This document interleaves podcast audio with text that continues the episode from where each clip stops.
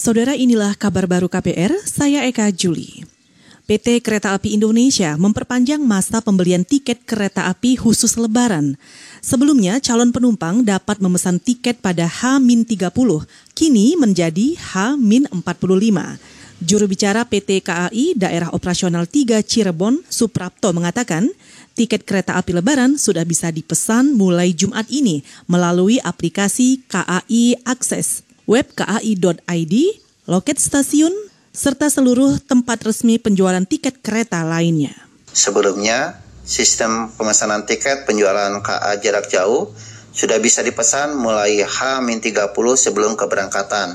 Terhitung per 1 April 2022, sistem tersebut mengalami perubahan di mana masyarakat telah dapat bisa memesan tiket mulai H-45 sebelum keberangkatan. Juru bicara daerah operasional 3 Cirebon Suprapto juga menambahkan, Kereta Api Indonesia secara nasional menetapkan masa angkutan lebaran pada H-10 atau sampai H plus 10 lebaran atau 22 April sampai 13 Mei 2022.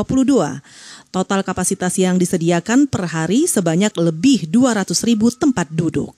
Kita ke informasi lain, pemerintah Indonesia dan China sepakat untuk menghilangkan hambatan yang masih dihadapi dalam kegiatan perdagangan bilateral.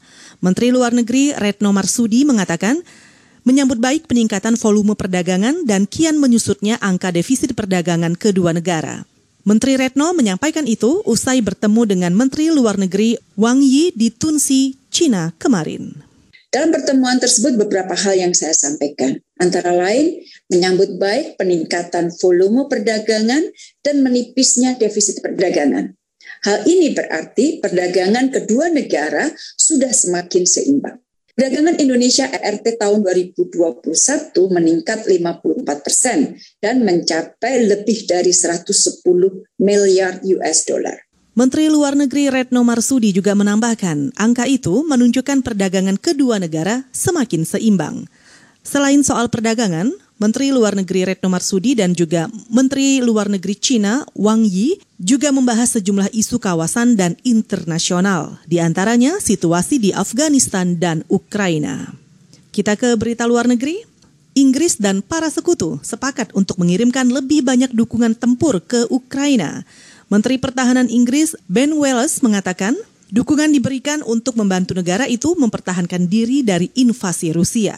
Pernyataan itu disampaikan Wallace kepada para wartawan setelah menjadi tuan rumah bagi 35 mitra internasional pada konferensi internasional donor pertahanan untuk Ukraina. Bantuan tempur itu termasuk penyediaan sistem pertahanan udara dan pantai, artileri jarak jauh, dan kemampuan artileri pembatas. Selain itu, kendaraan lapis baja serta penambahan pelatihan dan juga dukungan logistik. Kata Menteri Pertahanan Inggris, dukungan militer diberikan untuk memperkuat angkatan bersenjata Ukraina mengusir pasukan Rusia. Saudara, demikian kabar baru. Saya Eka Juli.